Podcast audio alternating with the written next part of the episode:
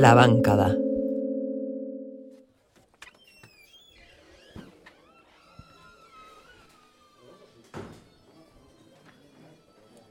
Eh, xeiko geha horri igual eskatuko enik. Bai, eh, kafe esnea mesedez.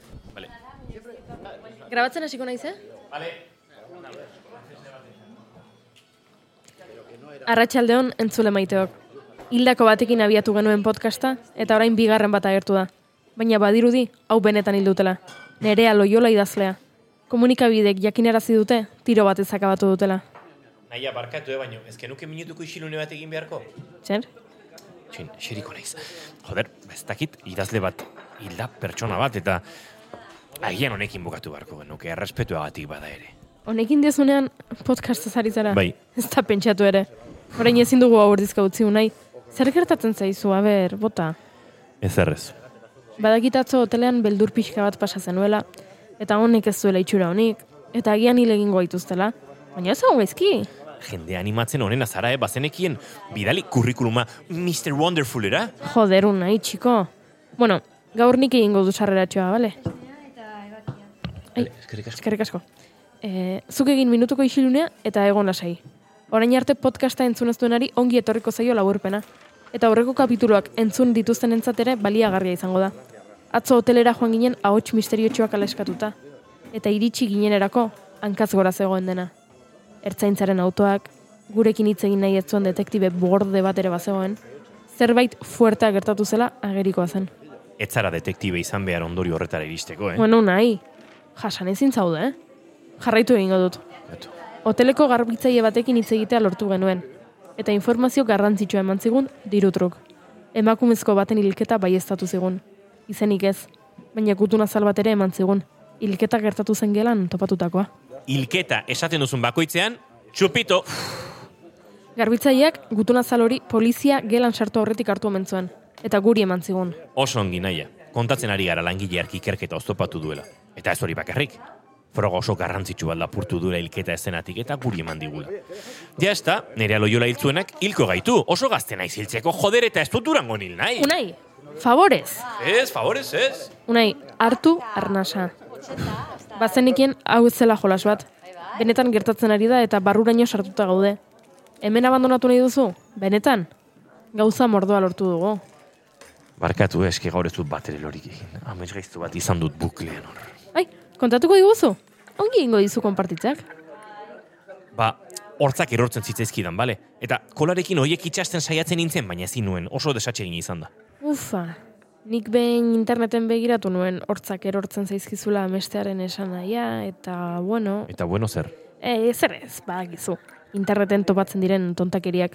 E, jarraituko dugu? Zergatik ez ziazu esan nahi? Larria da, e, minbizia dudala esan nahi du, edo, e- edo istipuren bat izango dudala. Ez esan, hile egingo naiz. Me cago en dios, naia. Banekien zerbait gertatuko zitzaigula. Azkenean akabatuko gaituzte. E, gaituzte ez? Niri ez zaizkit hortzak erori. Venga, joder, ez dauka graziarik. Nasai, unai, brometan ari nintzen. Ez inistu gauza horietan. Ametxen interpretazioa astrologia bezalakoa da. Ba, sinistu beharko zenuke, ze zuzara hain tauro? Zentratuko gara, mesedez? Zentratuko gara mesedez. Gutuna zela aipatu eta aipatu gabiltza. Baina ez dugu esan zer topatu genuen berruan. Esango diezu entzulei? Konfesio gutun bat, argazki bat eta pegatina bat. Venga, orain entusiasmo pixka batekin. Konfesio gutun bat, argazki bat eta pegatina bat! Hori da entzuleok, gutun anonimo bat, eskuz idatzia, baina sinatu gabea.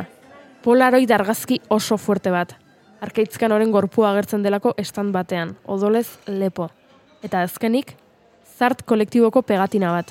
Gutunarekin hasiko gara. Ahoz goran irakirriko duzu mesedez? Bai, zetonotan nahi duzu. Takit, serio. Nik hil nuen arkaitzkano, amenduaren zazpian, gauez. Gutuna zalonetan dagoen argazkia da froga nagusia. Bi gauza, odola garbitzea ez da bat ere erraza. Pegatinak dio egia. Hilketa estali nahi du norbaitek. Ez dakit zergatik eta berdintzaita da. Badakite ni izan naizela. Txalorik ezarren. Ba, eski, ze fuertea, eh? Gauza gehiagi dago komentatzeko hemen. Ba, apurka joango gara. Ez zirudi txantxetan ari denik, hori garbi dago. Dei bat jaso genuen eta emakumea hotx batek esan zigun laureun eta sei gelara joateko. Arkaitzkano hilda zegoela frogatu zezakeela. Eta hain justu lareunda seikela horretan agertzen da hilda nerea loiola idazlea. Arkaitzen hiltzaia bera izateko boleto guzti. A ber, a ber, a ber, poliki. Esaten ari zara arkaitz hil zuena eta deitu gintuena pertsona bera dela? Eta pertsona hori nerea loiola dela? Ez alda gehitxo esatea. Telefono ez zigun izenik esan eta gutuna sinatu gabe dago. Gainera, nereak ez dauka hiltzaia itxurarik. Eta zergatik hilko zuen ba, arkaitz? Ez dakit, ez du esaten, baina argi dago hor lotura bat badagoela naia. Baina gutuna zala berak edukitzeak ez du automatikoki hiltzaile bihurtzen. Agian gela hori etzen nerearena. Agian berari leporatu nahi izan diote hilketa. Eta arkaitz eta nerea pertsona berak hil baditu? Eta benetako hiltzailea saiatu da nereari arkaitzen hilketa leporatzen. Konfesio gutun bat utziz bere logelan adibidez. Beste idazleren bat. Eta zergatik hilduten nerea. Mm, zerbait deskubritu duelako agian?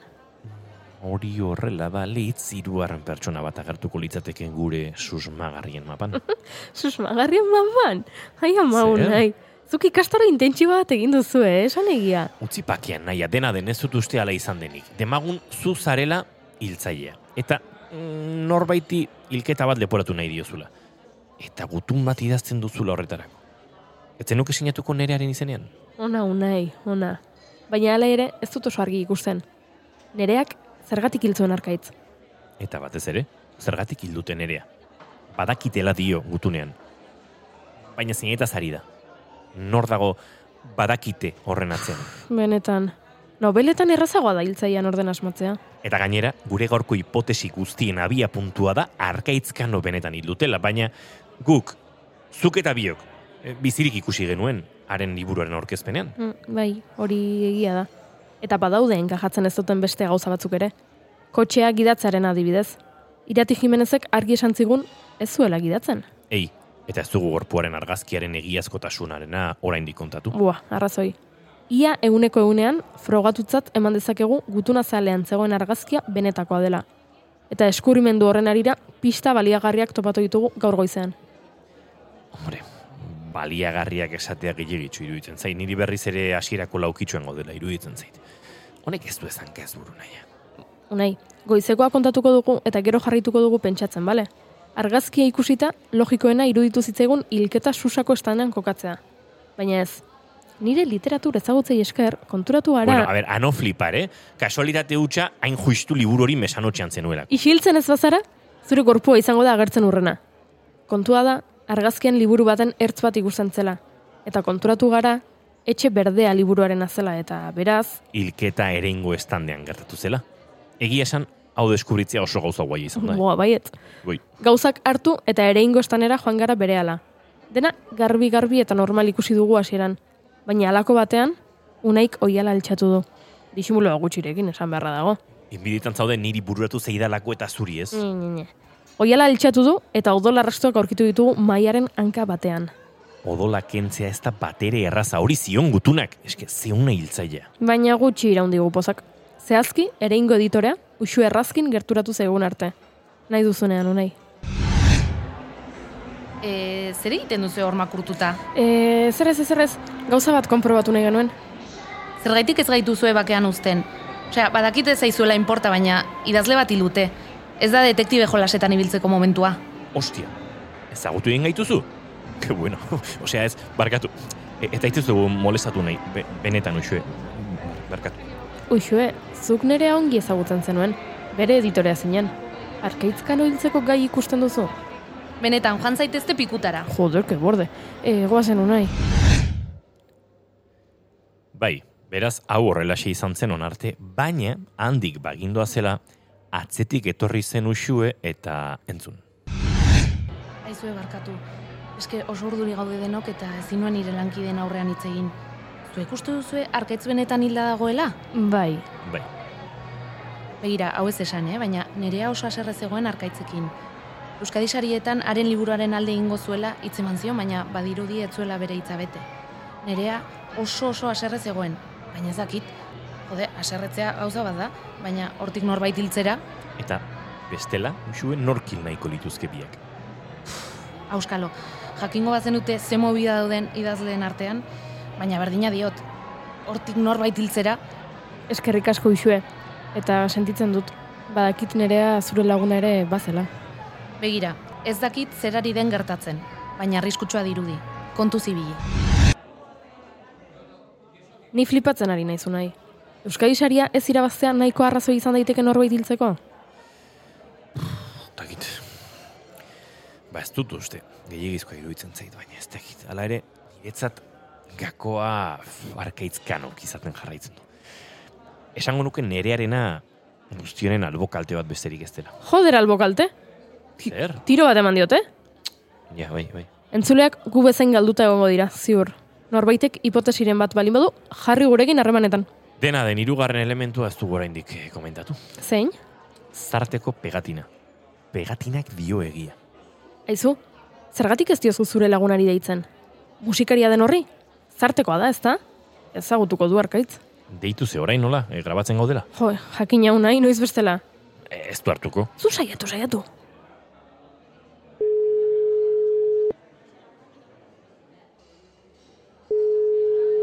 Bai? Kaixo, e, unai naiz. E, ze- zer moduz? Hombre, Sherlock! E, po- podcastaren bigarren gonbidatua zara. Zuzenean zaude, e, ez eskegi, mesedez. E, galdera batzu dauzkagu zuretzat. Zu, unai, no me jodas. Ez dut istilurik nahi. Kontua ez dago txantxetarako. Kaixo, Martin. Zer iruditzen Martin esaten badizut eta horrela zure benetako izena babesten dugu? Naia naiz. Badakigu eskatzen dizuguna zaila dela, baina behar zaitugu, eh? Galdera bakarra. Eta ez dut gehiago ontaz hitz egin nahi. Entzun? Lortu duzu arkaitzekin hitz egitea? Zartkide duzu, ezta? Ez gara berarekin egon asteazken arratsaldetik eta inorkeztu berekin hitz egin. Aurkezpenean egon ginen, baina ez zigun kasurik egin, egia esan. Eta beste pertsona hasi zirudien. Gero nerearena jakin dugu eta mierda badena. Ja. Bueno, eh, eskerrik asko, Martin, eh, eta urrengora arte. Agur bai, Bai, aio, aio. Ikusten, ez zigu ezartan lagundu deionek eta nik agian lagun bat galdu dut. Arkaitz benetan ezagutzen zutenek zerbait arraroa sumatzen diote. Eta albista zabaldu zenetik ezin izan dute berarekin harremanetan jarri. Pasaidazu pegatina berriz mese. Tori, Pegatinak dio egia. Pegatinak dio egia. errepikatzeak ez zizu lagunduko, eh? Dena den, zarteko hauek kutrak dira gero, eh? Ze ba? Atzeko partea zimurtuta dago, eta zikina dago. Badirudi erabilita dagoela. Naia. Zer? Eta pegatinari estalgiak entzen badiozu? Bai, eta zure kopetan itxatxi. E, ez dugu ezer galtzen. Ostia. Ezin du izan. Jode, horrela jaratzen zarenen, en plan, detektibe superizarra, maikien guante. Gure begien aurrean zegoen. Zuri ustez dena dago gure begia horren. Hiltzaileak utzi zigun pista. Baina zertaz ari zara, naia? Pasa lupa unai, azkar, motxilan. Joder, zuetza bode ongi. Ze momentutan irabaikitzen duzu ideia ona dela lupa bat motxilan eramatea, joder. Ze frikia, zaren, tori. Pegatinaren atzeko aldean zerbait dago idatzita. Arkaitzen hiltzaileak pista eskutatu zuen. Erraz jarri zigun, baina ez begi bistan, bada ezpada. Letra txikia da, eta pegamentuak pixka bat borratu du idatzitakoa, baina... Baina zer, A... Si... As... Asi... Er? jartzeu. O- Or... Maza. Nor da xir ormaza? La madre que me parió. Begira unai.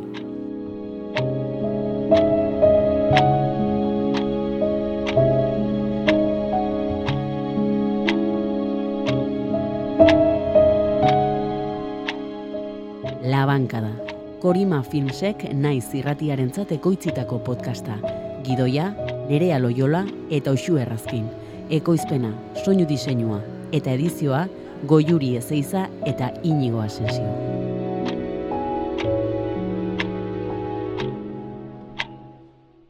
Emaiozu bigarren aukera bat egunari. Naiz irratian, bigarren kafea.